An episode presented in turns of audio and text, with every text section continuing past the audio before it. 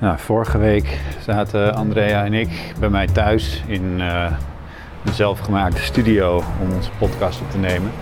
Maar Andrea die belde vanochtend dat ze snotterend wakker was geworden. Dus uh, bij elkaar in één ruimte zitten was nu ook geen optie meer. Dus zat er niks anders op. Ik heb de microfoon en een opnameapparaatje uh, gepakt. En nu ben ik onderweg naar Andrea om dat bij haar voor de deur neer te zetten. Gaat zij thuis opbouwen en dan gaan we de podcast opnemen via Zoom of Skype. Ik ben benieuwd hoe dat gaat. Hallo? Ja, Daniel hier, met je spullen. Ja, zo meneer. Ha van Ha.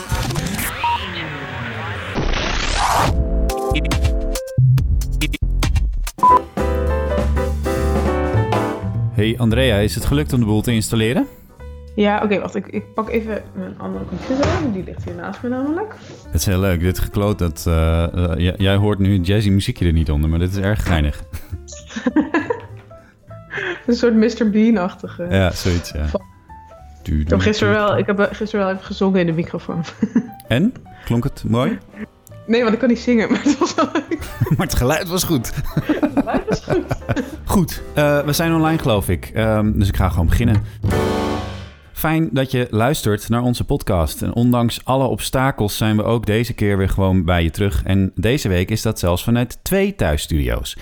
En uh, om te beginnen vind ik het echt heel erg tof om te zien dat jullie onze podcast ook waarderen. Want de luistercijfers die stijgen echt behoorlijk en we krijgen echt veel mooie reacties. Dus dankjewel daarvoor. Uh, mijn naam is Daniel Rommens en aan de andere kant van een heel lange virtuele tafel uh, zit Andrea Huntjens. Hoe gaat het met je Andrea? Um, het gaat goed. Ik zit hier dus in mijn thuisstudio. Ja. Um, wat best wel een beetje, een beetje improviseren is. Ik heb allemaal kussens tegen de muur gezet. En ik heb een, een matje en een dekbed op de grond gelegd. En ik zit hier uh, heel gezellig in de microfoon te praten in mijn eentje thuis. Ja, we hebben uh, echt een hele volle podcast voor je in petto. Want uh, ik heb maandag gebeld met lector Rijntjan Renes... die tijdelijk bij het RIVM zit... om onder andere premier Rutte te adviseren... over de bestrijding van het coronavirus. En we hebben vloggende HVA'ers die nu allemaal thuis zitten. En Andrea, jij hebt de afgelopen weken heel veel contact gehad... met HVA'ers die om de een of andere reden in het buitenland zitten... Daar hadden we het in onze Ja, vorige podcast al een beetje over. Um, toen waren mensen nog wel redelijk relaxed. Hoe is dat nu? Ja, er is. Uh, nou, de vorige podcast hebben we twee weken geleden opgenomen. Ja. En sindsdien is natuurlijk een hoop veranderd. Ik bedoel, wij zitten al niet meer in één ruimte samen. Uh, maar dat gold dus ook voor de studenten in het buitenland. Uh, zo had je bijvoorbeeld Giacomo, die zat in Zuid-Korea. En die zei in eerste instantie tegen mij... nou, het is hier eigenlijk veel relaxter um, dan in Nederland... want de grootste golf van besmetting is al geweest. Dus alle barretjes gaan langzaam open. Ik kan weer naar een restaurant gaan. Ja. Um, en toen sprak ik hem een week later en zei hij... ja, ik ben weer in Nederland. Hoe is dat Um, gegaan dan? Want het luchtruim was dicht in Korea. Ja, klopt. Uh, nou, dat is heel raar, want je kunt dus niet direct vliegen van... Hij zat in Seoul, je kunt niet van Seoul naar Amsterdam vliegen. Mhm. Maar je kunt wel van Seoul naar Dubai vliegen en van Dubai naar Amsterdam. Um, dus hij zei, in Dubai was het ook alsof er niks aan de hand was. Daar waren alle winkels open, liep iedereen door elkaar heen. Ja. Uh, maar dat is een soort kleine loophole. Uh, maar de HVA heeft ook een, um, dat is dan twee weken geleden geweest, een e-mail gestuurd naar alle buitenlandse studenten die stage liepen of die aan het studeren waren. Uh, waarin ze toch eigenlijk wel heel streng aanraden om uh, toch maar terug te komen. Ja. Ja, omdat je gewoon niet weet hoe lang je daar anders nog zit en of je nog terugkomt. En uh, nou, dat, omdat het gewoon een heel groot risico is. Ja. En je sprak ook met Martina, die uh, zat ongeveer in de brandhaard van de coronacrisis op dat moment, in Italië namelijk. Hoe ging het bij haar? Ja, uh, Martina komt zelf uit Italië, dus zij is eigenlijk juist toen de coronacrisis uitbrak, is zij eens teruggegaan naar Italië, waar het natuurlijk veel heftiger is dan hier, ja. om bij haar familie te zijn. En zij woont in Tirol, dat is in het noorden uh, van Italië, vlak bij de Oostenrijkse grens. En daar is het iets minder erg dan bijvoorbeeld in Milaan of in uh, andere delen van Italië. Um, wel is ze twee weken binnengebleven, want het was een beetje verkouden en dan mag je gewoon niet naar buiten. Mhm. Je hebt ook een soort um, licentie nodig om überhaupt naar buiten te gaan. Dus je mag alleen voor boodschappen uh, of voor werk. En ze, heeft, uh, ze studeert aan Amfi, dus ze heeft uh, zelf geëxperimenteerd met mondkapjes maken. Oké. Okay. En met dat mondkapje op ging ze dus naar de supermarkt. En dat was ook nog wel een gedoe om in Italië te komen trouwens. Want het luchtruim van, naar Italië werd ook gesloten. Uh, ze konden dus nog wel naar Oostenrijk. Toen vloog ze naar Oostenrijk en toen moesten met de trein naar Italië. En ze zeiden, er moest er een of ander gek busje in waarmee we de grens over gingen. Hm. En je mocht ook alleen door als je een Italiaans eh, paspoort had. Maar twee dagen later is uh, het luchtruim boven Oostenrijk ook gesloten. Dus ze heeft eigenlijk net ja, geluk gehad dat ze daar nog kon komen. Ja. Ze vertelde wel dat de IC's daar overvol zitten. En ja, artsen dus echt moeten gaan selecteren wie er kan blijven leven en niet. Uh, maar ze merkte zelf niet heel erg veel op straat, behalve de leegte. Uh, omdat ze niet echt, echt in de brandhaard zit, zoals nee. uh, sommige delen van Italië. Nee, er zitten ook foto's natuurlijk bij dat artikel dat we online hebben staan. Ik vond het heel heftig om te zien dat één student in een militair kamp in Vietnam in quarantaine lag. Kun je daar iets over vertellen? Ja, klopt. Dat was Min Han. En uh, Min Han komt uit Vietnam, maar ze woont al een paar jaar in, um, in Amsterdam. En um, haar ouders wilden eigenlijk, zodra corona uitbrak, dat ze terug naar huis zou komen. Uh, um, dus toen vloog ze naar Vietnam, maar daar werd ze iedereen gelijk in verplichte quarantaine geplaatst. Uh, dus ze zat in een militair kamp um, bij het vliegveld. Uh, waar ze in een bedje lag met voldoende afstand tussen iedereen in. En waar een paar keer per dag haar temperatuur werd gemeten. Ja. Toen moest ze daarna, na ongeveer een week, moest ze naar een ziekenhuis. En daar heeft ze toen ook nog een week verplicht in quarantaine gelegen. Heeft ze drie coronatests gehad, maar gelukkig had ze het virus niet. En uh, nou, sinds ongeveer een week is ze gewoon terug bij haar ouders in Hanoi. Dus dat is fijn. En, ja, uh, ik zag de foto dat, met de familie. Ja, klopt. Ze zei dat het wel uh, natuurlijk heel eenzaam was. Het lijkt me heel bizar als je in zo'n kamp zit. Ja. maar ze zei dat, zelf dat ze het eigenlijk wel een leuk avontuur vond. Omdat okay. ze het toch wel spannend vond wat ze allemaal had meegemaakt. Ja, ja. En degene die waarschijnlijk het minst van de coronacrisis meekrijgt... is uh, student Pieter, want die zit op een schip al maandenlang. Wat, wat merkt hij dan nog van uh, de maatregelen? Ja, Pieter die uh, loopt stage op een vrachtschip. Want uh, hij studeert voor maritiem officier. En uh, toen ik hem voor de eerste keer sprak, drie weken geleden, kwam hij net terug uit Amerika. daarna is hij nog naar Duitsland gegaan en nu is hij onderweg naar Taiwan. En ja, hij zei, mijn, mijn werk is al een soort quarantaine, want we zitten zo afgesloten van de buitenwereld. Uh, wat hij wel jammer vond, is dat uh, normaal leggen ze dan aan in een haven, dus nu in Duitsland. Mhm. En dan kunnen er mensen aan boord komen, dus zijn ouders zouden langskomen. Nou, dat mocht niet. Um, ze mocht geen contact hebben met mensen aan de kant. Uh, dus dat vond hij heel jammer. maar hij zei, ja, waarschijnlijk moet ik hier gewoon een paar maanden langer blijven. Maar ja, dat is ook wel een beetje het leven waar ik voor gekozen heb. Dat, ja onzeker. Dus hij had het al over afstuderen aan boord. Uh, wat ik wel heel opvallend vond, is dat... Uh, nou, hij is nu onderweg naar Taiwan. Dan moet je door het Suezkanaal. En hij vertelde, ja, normaal is het daar zo corrupt. Als je daar dan langs wil, dan wil de douane allemaal drank, sigaretten van je hebben... voordat ze je doorlaten. Ja.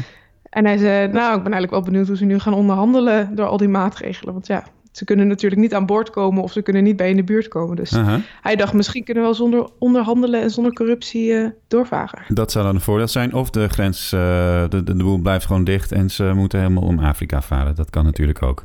nou, dat hoop ik niet voor, want dat is wel langer dan een maand onderweg. Ja, nou ja, um, uh, alles is gewoon een beetje anders. Zelfs op zo'n schip waar je helemaal niet zoveel met corona te maken hebt, op het eerste gezicht.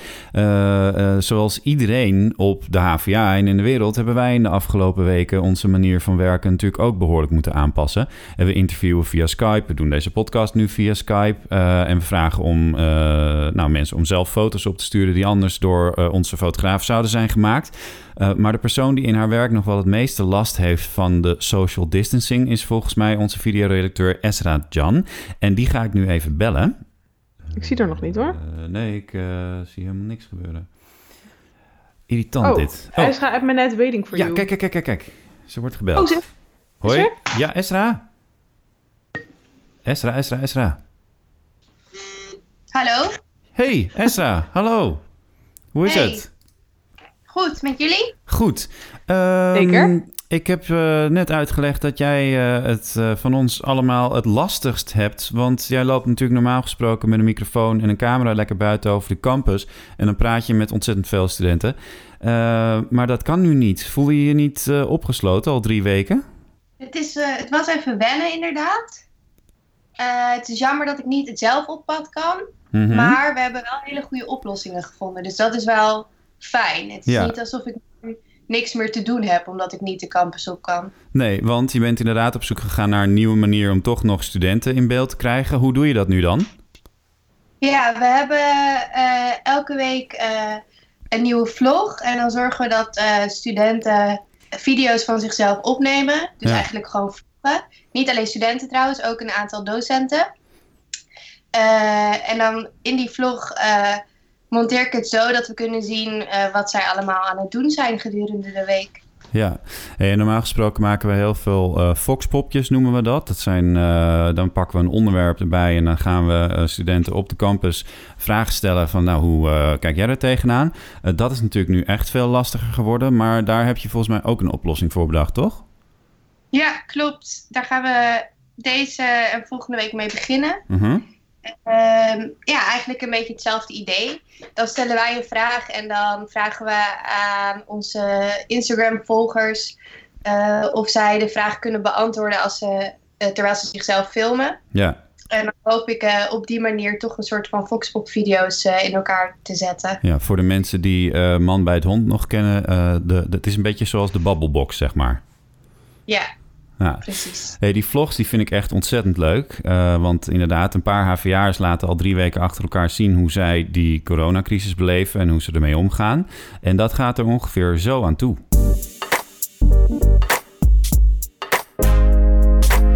Nou, goedemorgen. Dit is hoe ik wakker word. In een epidemie-isolatie. Vandaag is het super zonnig. Voor het eerste keer in een hele lange tijd. Dus het is een beetje jammer om gewoon thuis binnen te zitten. Wat heb je aan zelfisolatie als je niet 's ochtends eerst een blootje kunt doen? Jonko. Get the guitar. We can play the guitar.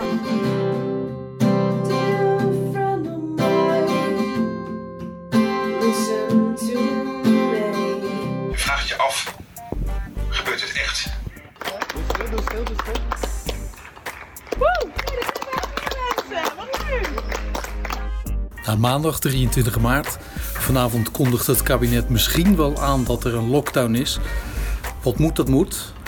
Ik ga nog even een rondje fietsen. En toen hebben we dus een eh, huisvergadering gehad, omdat we hier met z'n dertienen wonen. En toen hebben we dus eigenlijk afgesproken dat er niemand meer ons huis inkomt. Mijn mentale gezondheid kan gewoon niet zo goed tegen alleen zijn of isolatie. Ik word dan gewoon heel snel somber. En voor mij is alleen zijn eigenlijk gelijk aan eenzaamheid voelen. Ja, ik denk dit wordt gewoon een soort van het nieuwe normaal. Ik zou ook naar de kapper gaan, maar aangezien alles gesloten is, of in ieder geval alle kappers dicht moeten, is mijn kapper ook dicht gegaan. Mijn vrienden en ik hebben toen besloten om mijn haar maar compleet af te scheren. Dus daar is het. De premier heeft weer wat te vertellen aan ons. Belangrijk. Nou, daar zijn ze. 6 april gesloten waren, nu tot en met 28 april gesloten blijven. De boodschap is, we zijn eh, voorbij de start, eh, maar we zijn nog niet aan het eind van het begin. We zijn voorbij de start. En we zien u ook... Zeker thuis blijven. Als je benauwdheid en of koorts ontwikkelt, blijft je hele gezin thuis. Moet je toch even de straat op, anderhalve meter afstand houden. Naar de winkel, dat is geen uitje, dat doe je in je eentje. Als je aan al die dingen houdt, dan help je de zorgvesten.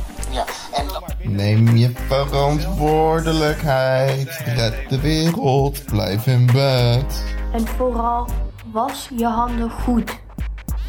Dirty pig. Oké, ja, nou, eh, was je handen is dus het advies. Eh, wil je alle afleveringen van de Corona-vlog zien? Check dan ons Instagram-kanaal h van a underscore nl. En volg ons, want dan mis je niks. Eh, dankjewel Ezra en succes met monteren van de volgende video. Dank je. Jullie ook succes. Doei, ciao. Doei. Hang jij op, want eh, ik kan je niet zomaar wegklikken. Je hoort de studenten van de HVA hier. Als jij door de security heen moet komen, waar zou je je drugs verstoppen? Eh, hoezo wil je zo graag horen? Ik ben bang als ik dat ga zeggen, dat, dat ze dan echt een rechtszaak tegen me aanspannen. echt letterlijk. Welk meisje waagt zich nou in de wereld van lege pizzadoos en Playstation-avonden met energy drinks? Ja, nou. Nou, wij. Wil je niets missen van het nieuws en de verhalen van de campus? Schrijf je dan in voor de nieuwsbrief op havana.nl. Rijntjan Renes is normaal gesproken de HVA-lector die zich met duurzaam gedrag bezighoudt. Maar zijn kennis over het gedrag van mensen is op dit moment veel harder nodig bij het RIVM. Dat is de club die de regering adviseert over het bestrijden van het coronavirus. En op maandag had hij heel even de tijd om met ons te praten over zijn tijdelijke nieuwe functie. Rijntjan, ik eh, praat niet zomaar met je, want eh, je bent door de HVA uitgeleend, eh, zeg ik maar even, aan het RIVM. Waarom hebben ze jou daar nodig? Want jij bent gedragswetenschapper, eh, dus je weet niks van virussen en zo. Waarom Nee. zit jij daar? Nou ja, omdat ehm, we inmiddels natuurlijk al wel weten dat de virus wordt overgebracht door, eh, door ons, door de mensen. Dus uh, om uh, de verspreiding en de besmetting onder controle te krijgen, is het ook heel belangrijk dat we het gedrag van mensen onder, onder controle krijgen. Maar uh, dat, dat klinkt heel heftig, alsof je inderdaad mensen gaat controleren of zo. Maar is dat ook wat jij daar aan het doen bent? Wat, wat voeg jij concreet toe? Nee, wat wij uh, vooral doen is uh, heel veel inzicht krijgen in wat op dit moment voor mensen uh, meespeelt in al dan niet het opvolgen van de gedragsadviezen. Er zijn, er zijn hele duidelijke gedragsadviezen die de meeste mensen inmiddels allemaal wel weten. Uh, dat je anderhalve meter afstand moet houden, dat je je handen moet wassen, zoveel mogelijk thuis blijven, in je elleboog niezen. Nou, dat klinkt allemaal best wel simpel. Of het klinkt in ieder geval duidelijk wat je moet doen. Uh, heel bekend maar, in ieder geval, inmiddels. Ja, heel bekend, ja. Nou, dat, is al, dat is al fijn. Ik denk dat de meeste mensen inmiddels het wel weten. Maar ja, wat we gewoon weten uit gedragswetenschappen is dat het toch helemaal niet zo eenvoudig is uh, om het ook daadwerkelijk te doen. Wat voor dingen zijn er dan nodig om mensen hun gedrag te beïnvloeden? Nou ja, wat, wat wij vooral nu aan het doen zijn, is om te kijken daar waar de gedragsadviezen op zich best wel logisch lijken. Hè, bijvoorbeeld, ik maak het even heel plat, uh, gebruik een papieren zakdoek. Dat klinkt als een helder advies. Ja. Maar als je dan vervolgens gaat kijken, maar wat vraag je daar nou precies aan mensen? Dat is niet alleen gebruiken papieren zakdoek. Nee, die, die papieren zakdoek moet je gebruiken om je neus uh, in ieder geval, uh, of in ieder geval om ervoor te zorgen dat je neus sluit. Maar daarna moet die papieren zakdoek ook meteen weggegooid worden. Daarna moet je ook meteen je handen wassen. Dat, zijn, dat is een keten van, van gedragingen die, als je dat niet heel concreet en duidelijk adviseert. Je, en dat, dit is maar een hele, een hele kleine, maar als je dit mm. eenmaal allemaal in kaart gaat brengen, dan komt er ongelooflijk veel van dit soort adviezen die op eerste instantie vanuit experts die niks met gedrag te maken hebben best wel simpel lijkt. Maar als je dat gaat doordenken, ook voor specifieke groepen. Uh, nou, wij analyseren dat soort gedragingen. Er is een brondocument waar, op basis waarvan eigenlijk alles aan adviezen uh, uit voortkomt. Hè. Die, die, die wordt heel zorgvuldig opgesteld. Maar wij kijken dus ook naar het brondocument nu vanuit het gedragsperspectief. Wat heb je eigenlijk nodig om het heel plat te maken, om die compliance ook te genereren rondom dit soort adviezen. Maar wat we dus eigenlijk de hele dag aan het doen zijn, is, is meer voor de langere termijn uh, daarvoor de belangrijke kaders te schetsen, uh, uh, data te verzamelen, gegevens te verzamelen en tegelijkertijd daar waar op dat moment gewoon even informatie nodig is, heel ad hoc, heel snel te schakelen. en vanuit die monitoring kunnen we dan iets gerichter zeggen, oké, okay, maar dit speelt, hier zijn, on, hier zijn on, uh, onzekerheden over. Ja. Dit vinden mensen moeilijk te snappen, of hier kunnen ze heel moeilijk mee dealen. En dan kunnen we daar weer kijken, wat is daarvoor nodig om dat ja. dan weer op te gaan lossen. Iets wat mensen bijvoorbeeld moeilijk te snappen vonden was uh, toen Rutte in het torentje uh, het had over die uh, groepsimmuniteit.